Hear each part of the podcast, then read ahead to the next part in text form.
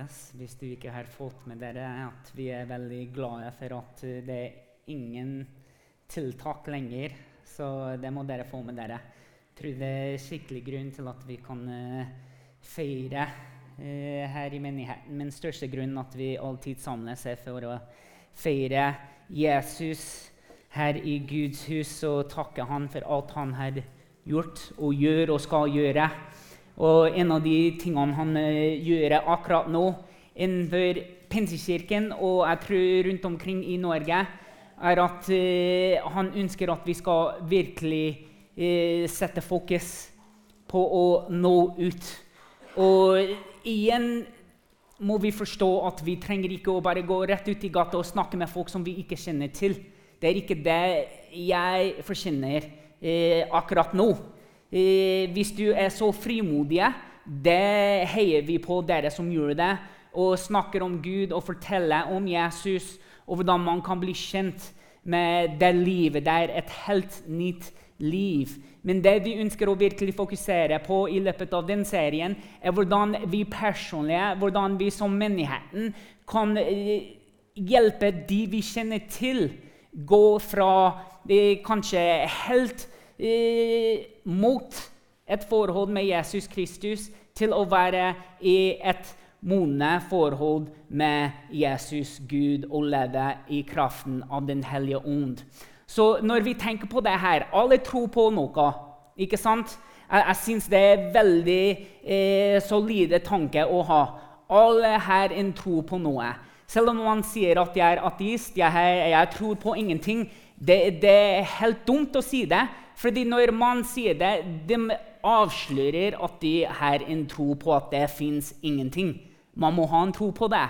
Så det vil si at man, eh, Her er en skala ikke sant? fra minus 10 helt til 10. Og du kan eh, peke ut eller eh, tenke på hvor ligger jeg på den skala her. Men vi ønsker, hvis noen er på minus 10 at når vi møter dem, når vi er ferdig med den samtalen, når vi er ferdig å gå sammen med dem i løpet av den tiden vi kjenner til den personen, at, at de minst går fra minus 10 til minus 9. Ikke sant?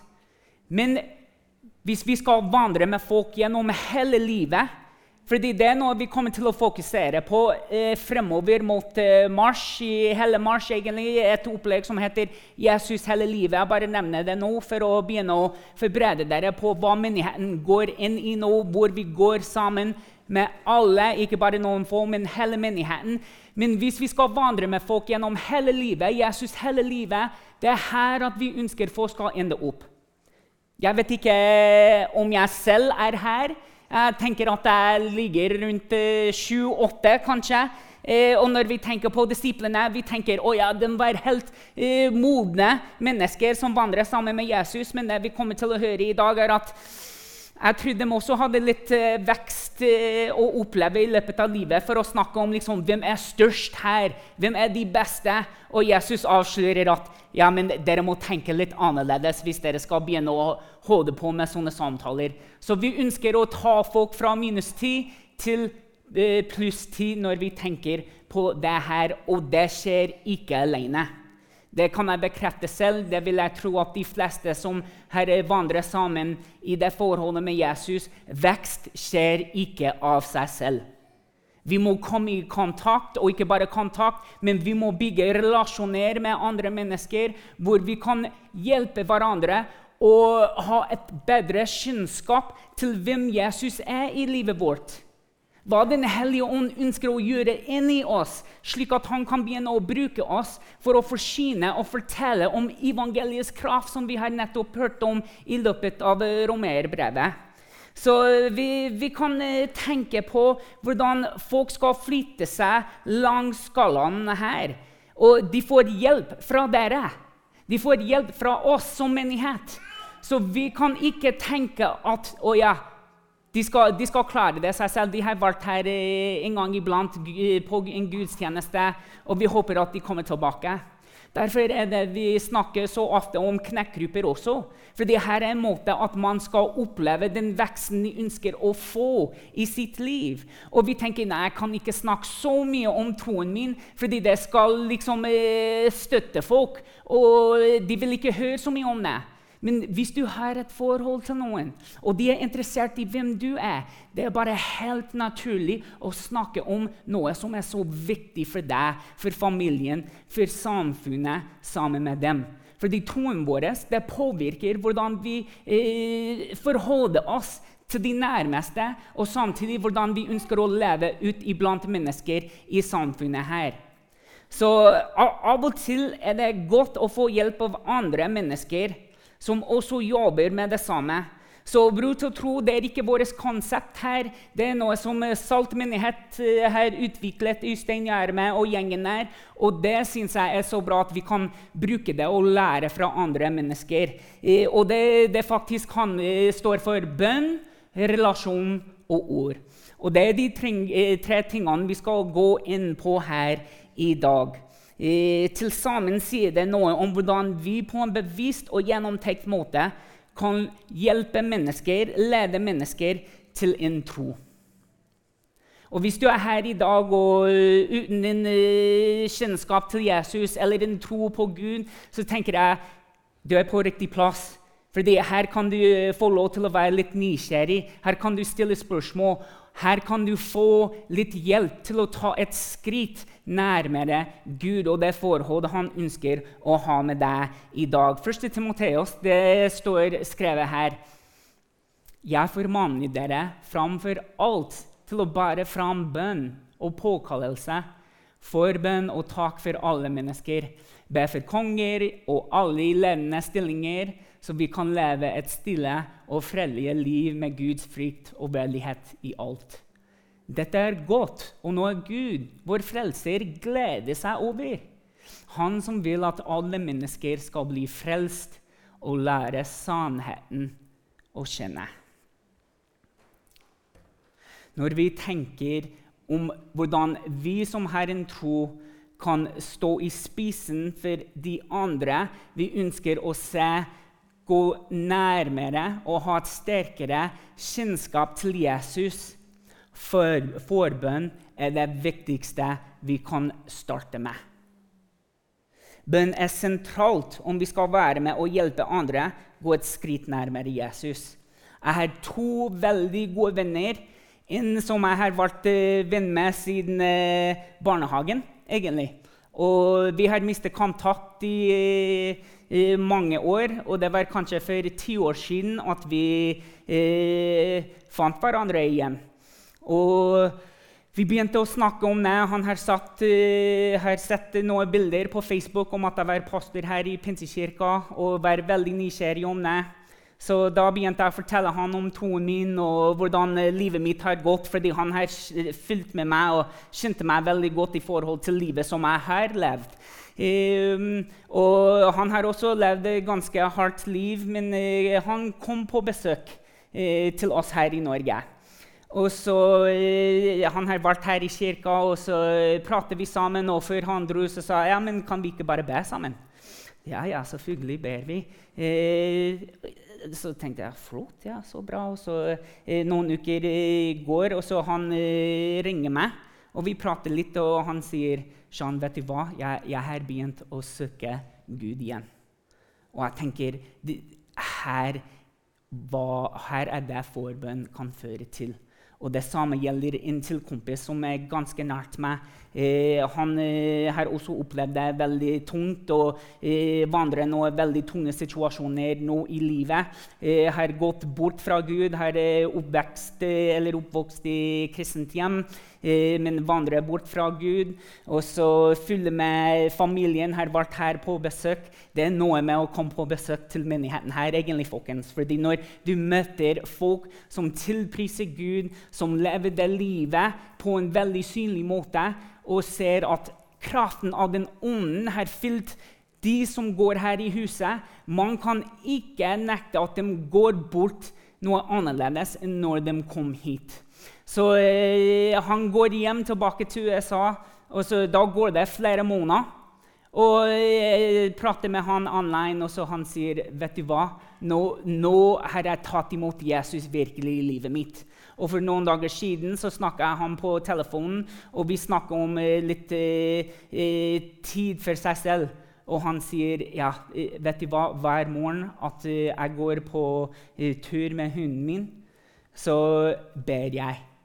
Jeg ber jeg for de jeg kjenner, jeg ber, jeg for, eh, jeg ber meg for familien osv.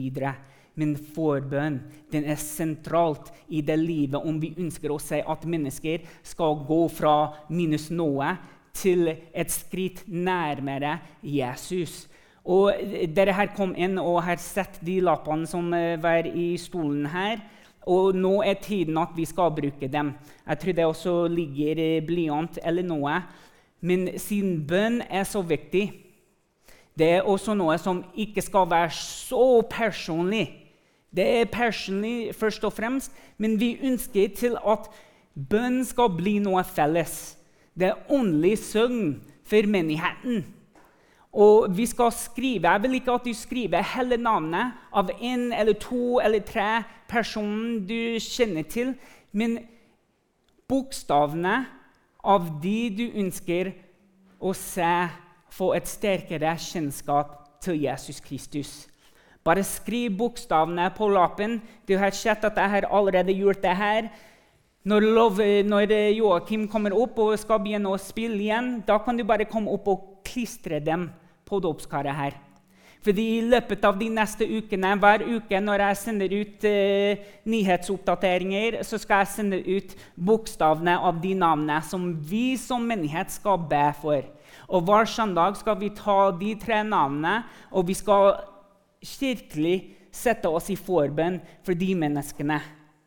Vi ønsker at vi merker menigheten står ikke alene sånn personlig greie for forbønn for andre mennesker, men at vi gjør det til noe som er viktig for alle. Vi står sammen i dette her. Felles bønn under gudstjeneste det gjør påminner, eh, påminner at de som står på bønnelisten til andre, det også blir til det åndelige søgn for menigheten.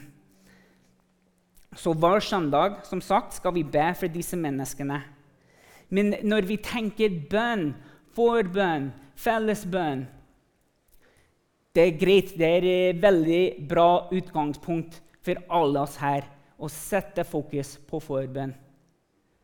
Men det må alltid være noe som fyller opp bønnen. Gud kan gjøre alt mulig. Vi kan be for folk, han kan helbrede dem. Vi kan be for at folk skal komme til Jesus, og han kan lede dem uten at vi gjør noe. Men de fleste ganger at jeg leser i Bibelen, så leser jeg at det blir bønn, og så blir det handlinger.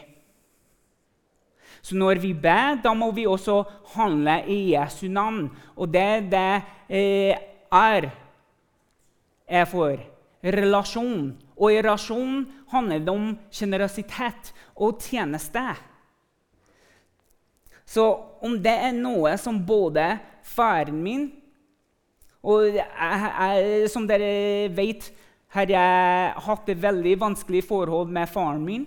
Men samtidig, i løpet av den tiden vi var sammen, han har også lært meg noen gode verdier. Og en av de sammen med mora mi var å være et sjenerøst menneske. Og nå snakker jeg ikke om tjene eller å gi penger. Det er en måte som vi kan være sjenerøse på.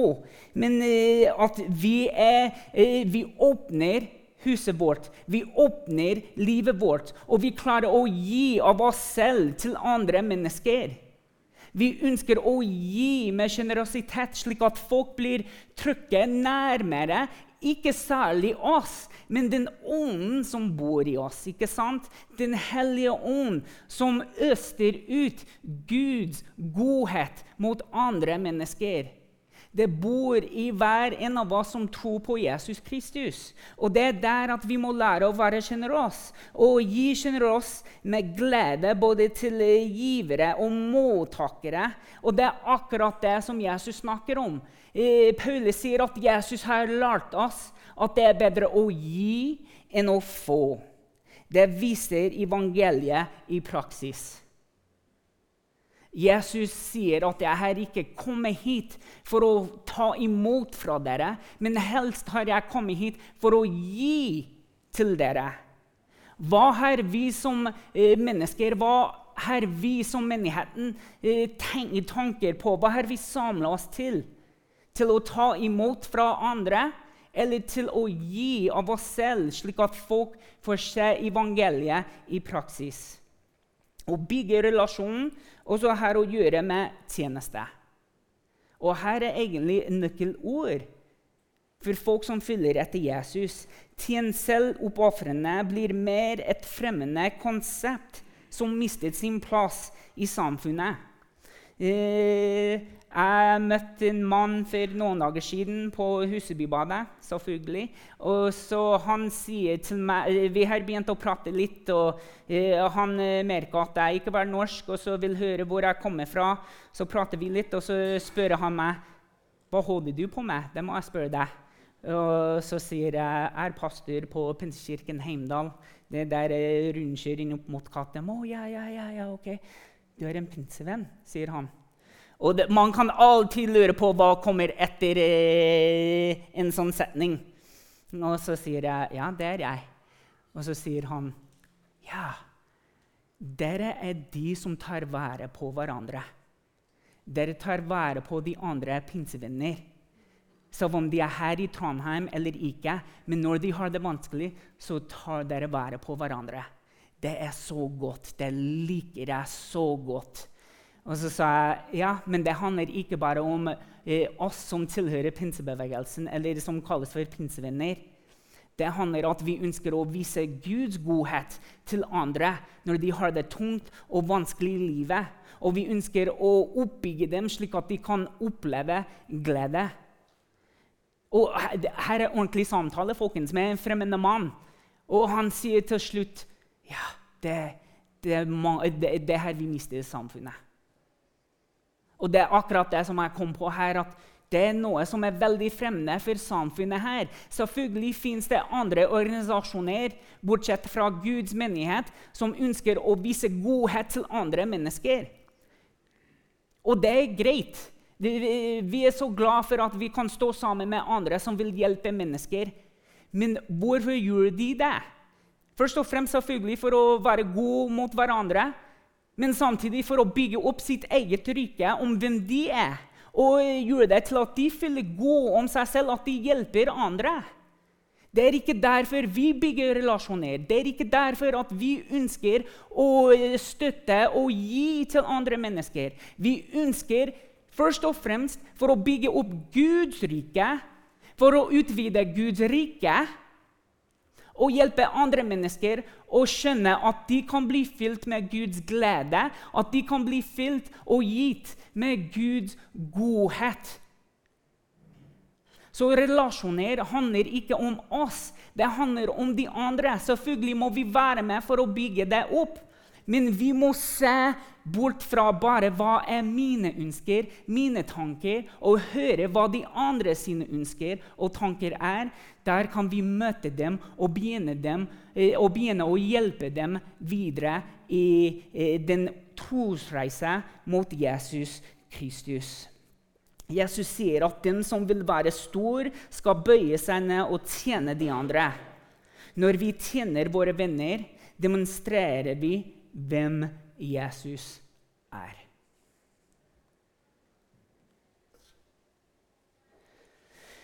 Og jeg tror en eh, veldig Og jeg sier enkel, for det er jo meg. Men jeg syns kanskje en av de enkleste måtene man kan være sjenerøs og tjene andre mennesker på, eh, er ved å bryte brød sammen. Alle jo må spise mat. Det koster oss ingenting å ringe til naboen eller ringe til de vi ønsker å ha litt tettere fellesskap med, og si hei, vil du komme og spise eh, hos oss neste onsdag. liksom. Å dele et måltid er ikke bare en fin måte å gi og tjene på, men det er der vi ser Jesus hadde noen av de beste samtaler med andre mennesker. En fest og måltid der Jesus ble spurt Hvorfor samler du deg med syndere? Et måltid hvor han begynner å hjelpe Marie og Martha forstå noen av de viktigste prinsippene når det gjelder å samle rundt Jesu føtter. Hvor skal vårt fokus være på? Det handlet rundt måltid. Alt hver ferdig, så kommer Maria og Martha og begynner å legge alt på Jesus om hvordan de har det. Så legger vi merke til en av de fineste måltidene vi leser om. Og det er det siste måltid med disiplene og Jesus. For han begynner å, å forberede dem for veien videre. Her tenker jeg, folkens, vi har stor kapasitet. Vi har store muligheter til å invitere folk inn i livet vårt. Være sjenerøs med dem, tjene dem og til og med hjelpe dem videre ved å bygge relasjoner og ha viktige samtaler om hvem Jesus er. Eh, kanskje seks-sju år siden så eh, møtte jeg to menn. Eh, vi holdt på med samme idrett. og eh, jeg, liksom, jeg fylte litt god flyt med dem. Det, det var et godt uh, mulighet å bygge relasjon, syntes jeg. Så etter inntrening så kom jeg bort til begge dem og sa hei, vil dere bare komme og spise hjemme hos, hos oss nå til lørdag. Og så de var helt utsatt, sjokkert. Eh, og første ting de sa til meg i de ti årene som vi har eh, vært en del av klubben her, har vi aldri blitt invitert til noen andre sitt hus. Og, eh, og, her er to menn som kjente hverandre veldig godt, og har aldri invitert hverandre hjem. Og jeg tenkte hva? Så det, det var liksom veldig overraskende for meg, men samtidig en stor glede, fordi nå hadde jeg mulighet til å vise sjenerøsitet eh, og tjene dem. Så da kom de hjem. De kom med blomster og sjokolade. Eh, veldig koselig. Og vi hadde så koselig sammen. Og de sa Når de dro hjem, liksom, vi har merka en helt annen gjestfrihet enn eh, noen andre steder vi har vært før. Og hver gang jeg hører sånne ting, så vet jeg at det har ingenting å gjøre med meg. Og alt å gjøre med Jesus. fordi hvis du hører med Hanne, når vi først ble kjent med hverandre, så var jeg helt imot at folk skulle besøke oss når som helst, og at vi skal åpne hjemme. For det er veldig liksom eh, jeg, liker å ha min tid, jeg liker å ha fri og eh, Nei, jeg er introvert, eh, å si det sånn. Men etter den dagen ble vi invitert til være et sitt hus, ble kjent med familiene og alt det der. Jeg har mistet litt kontakt med en av dem, for å være ærlig. Men den andre så hadde vi, vi har stadig samtaler om tro. Og En gang så sa han til meg at uh, du kommer aldri til å uh, lede meg til å bli troende. Så sa jeg det er ikke min jobb, det er Guds jobb. Og da ble han helt utsatt. og sånn, han, han, visste ikke hva han skulle si. Eh, men da tenkte jeg ja, men nå har eh, han blitt satt på sporet etter at Gud skal gjøre noe, ikke meg. Så vi er kalt til å bygge relasjoner folkens, og gjøre det på de måtene som blir naturlige for oss. Hvor du møter folk, det er der du skal bygge relasjoner. Hvor du ønsker å tjene de menneskene, det er hvordan du skal invitere dem inn i de samtalene og trosreise videre mot Gud. I, uansett hvor lenge du skal være sammen med dem. Som sagt, Vi ønsker å lede dem fra eh, minustall alltid mot noe positivt i det forholdet med Gud. Så hvis vi tenker at eh, vi har eh, det med bønn, relasjon og så ord Det vil si snakk, svær, fortell, inviter. Det er ikke alle som eh, handler om, eh, om det her i historien vi leser mellom Cornelius og Simon Petter, men vi kan lese kort her. Mannen fortalte at en engel hadde vist seg for ham hjemme i huset og sagt til ham Send bud til Joppe og hent Simon Petter. Han har noe å fortelle som kan frelse både deg og de andre i huset ditt. Jeg rakk ikke mer enn å begynne å tale, for Guds hellige ånd kom og fylte alle, akkurat som den fylte oss den første tiden. Da husker jeg at Herren Jesus hadde sagt, 'Johannes døpte dere med vann, men dere skal bli døpt med Guds hellige ånd.' Ettersom Gud ga alle disse fremmede den samme gaven som han ga til oss jøder som tror på Herren Jesus Kristus. Hva tenker jeg å gjøre med det?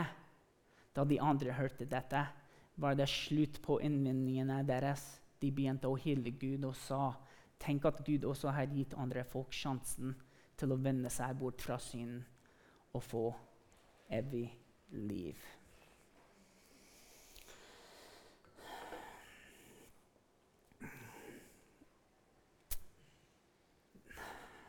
Her er vi en samtale mellom to menn hvor Petter han har begynt å fortelle noe på en veldig forståelig måte. Og det, det, jeg, jeg, tenker at det, det måtte ha vært så forståelig at Den hellige ånd kunne slå seg ned akkurat der og begynne å åpenbare seg og fylle de menneskene som var der. Vi må gi Den hellige ånd sjansen til å gjøre noe når vi er til stede med andre mennesker. Og andre mennesker, når de er til stede for oss, vil jeg tro at de er åpne for å oppleve noe underlig. Man jo vet at vi tilhører Jesus Kristus, den levnes Gud. Så ord det går alltid inn med forbønn og relasjon. Vi må fortelle om det evangeliet. Men hvordan skal du fortelle om noe som er så stor?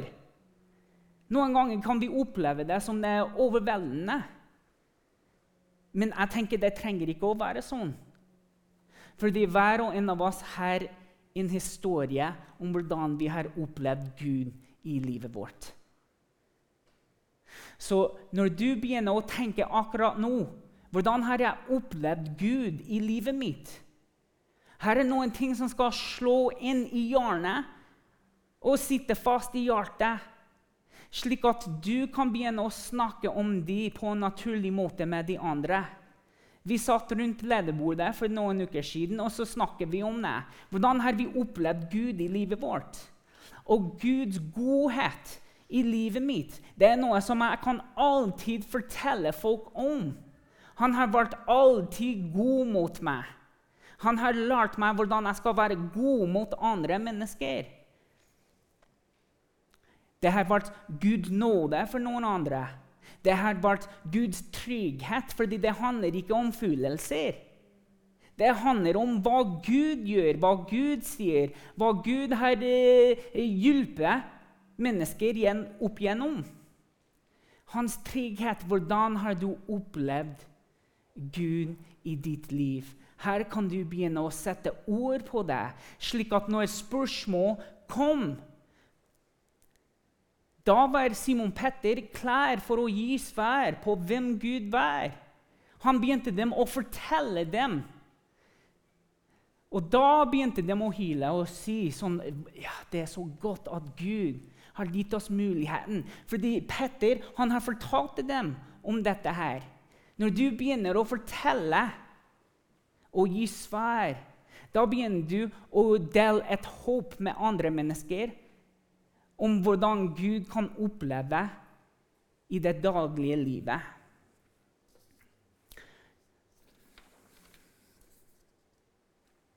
Så gode samtaler om tro kommer ofte etter nysgjerrige spørsmål. Og alle som tror på Jesus, vil eventuelt ha spørsmålet Hvorfor tror du på Jesus? Så du må virkelig tenke på hvorfor tror jeg på Jesus. Om du har tenkt på hans tilgivelse, kjærlighet, eller hva enn det er, og hvordan du ville fortelle om det, plutselig blir det spørsmålet ikke så skremmende. Og vi må alltid være OK med å si Vet du hva, jeg har ikke svar på det spørsmålet. Men vi kan godt be om det sammen. Vi kan godt søke andre kilder som kan hjelpe oss få en bedre forståelse for det her. Altså, da får du til eh, en til samtale om tro. Å gi svar og snakke om det blir mer naturlig fordi du vet at du har noe godt å si og gi bort til de andre. Om folk tør ikke å spørre noe, så kan vi alltid ta initiativet til å stille et spørsmål. Det, det prøver jeg å praktisere ofte med andre. Eh, hvis jeg føler at den samtalen går mot muligheten til å snakke om noe i forbindelse med tonen min, da, da stiller jeg alltid Hva tenker du kunne ha blitt bedre? med det her. Det vil alltid få folk til å tenke ja, hva kan bli bedre med å eh, servere maten på den måten. Det er veldig enkel ting å snakke om. Men da sier jeg men hvorfor tror du det? Vet du hvorfor jeg tror det? Og da kan jeg begynne å trekke inn og blande inn andre ting som Jesus har lært oss eh, i Bibelen, at det er bedre å gi enn å få. Det er bedre å gi og servere og tjene andre mennesker på den måten, fordi vi trenger egentlig ikke å få noe tilbake. Vi ønsker å gi glede og sånne ting. Å snakke om evangeliet og stille spørsmål, motta spørsmål, og så gi svar. Når de tre ting er satt sammen, formidler du en historie. Du setter ord på hva Jesus betyr for deg personlig, og den fortellingen gir ofte et kraftfullt inntrykk. Når som helst vi finner oss i en posisjon hvor folk er nysgjerrige om troen, da har vi fått en åpen dør til å invitere folk til en gudstjeneste. Vi taper ingenting å invitere folk inn til det større fellesskapet. Det er akkurat det Jesus gjør når han sier til folk 'kom og se'. Kom og se. Hva holder dere på med der? Hvorfor tror du det der? Kom og se. Her er et veldig naturlig spørsmål og invitasjon å gi til folk. En invitasjon Jesus ga til alle sine disiplene, og alle vi kan gi til de vi kommer i kontakt med den er like relevant i dag som det var da. Vi vil be for hverandre som ikke har kjennskap til Jesus. Vi vil bygge relasjon med de som vil formidle Guds ord, og invitere dem til et sted hvor de kan bli kjent med hans folk. Og enda mer hans ord, løfter og sannheter. Amen.